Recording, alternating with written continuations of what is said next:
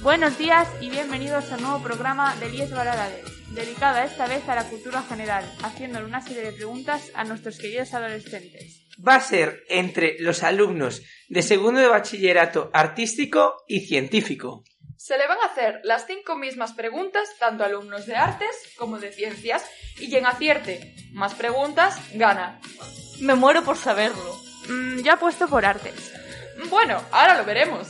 Comencemos. ¿De qué curso eres? De segundo de bachillerato científico.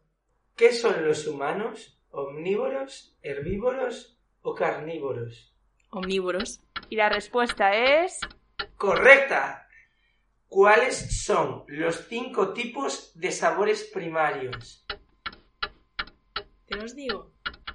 Ácido, dulce, salado, amargo. Me falta uno. No sé. Se acaba el tiempo. se- La No respuesta es... ¿Cuál le falta? Umami. ¿Cuál es el lugar más frío de la Tierra? Los polos. Antártida. Yo qué sé. La respuesta es...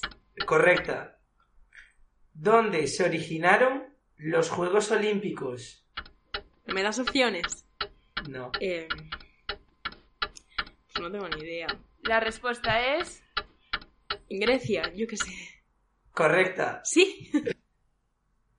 ¿Qué cantidad de huesos hay en el cuerpo humano? Te digo un número exacto. Sí, Pero hay un montón. ya. No sé. Un número muy alto. Imposible que lo acierte. Ciento y pico. La respuesta es... 206, mientras que los recién nacidos tienen alrededor de 300 huesos. ¿De qué curso eres? de segundo de bachillerato de artes. ¿Qué son los humanos? ¿Carnívoros, omnívoros o herbívoros? Omnívoros. La respuesta es... Correcta. ¿Quién pintó la última cena? Eh, Leonardo da Vinci. La respuesta es... Correcta. ¿Cuántos huesos tiene el ser humano? Eh, 800. La dos. respuesta es... 206.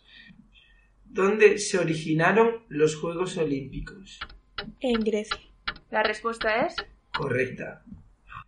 ¿Cuáles son los cinco tipos de sabores primarios? Dulce, salado, agrio, ácido y amargo. La respuesta es... Incorrecta. Falta umami. El resultado, como vemos, ha quedado en un claro empate. Bueno, hasta aquí nuestro podcast. Hasta la próxima.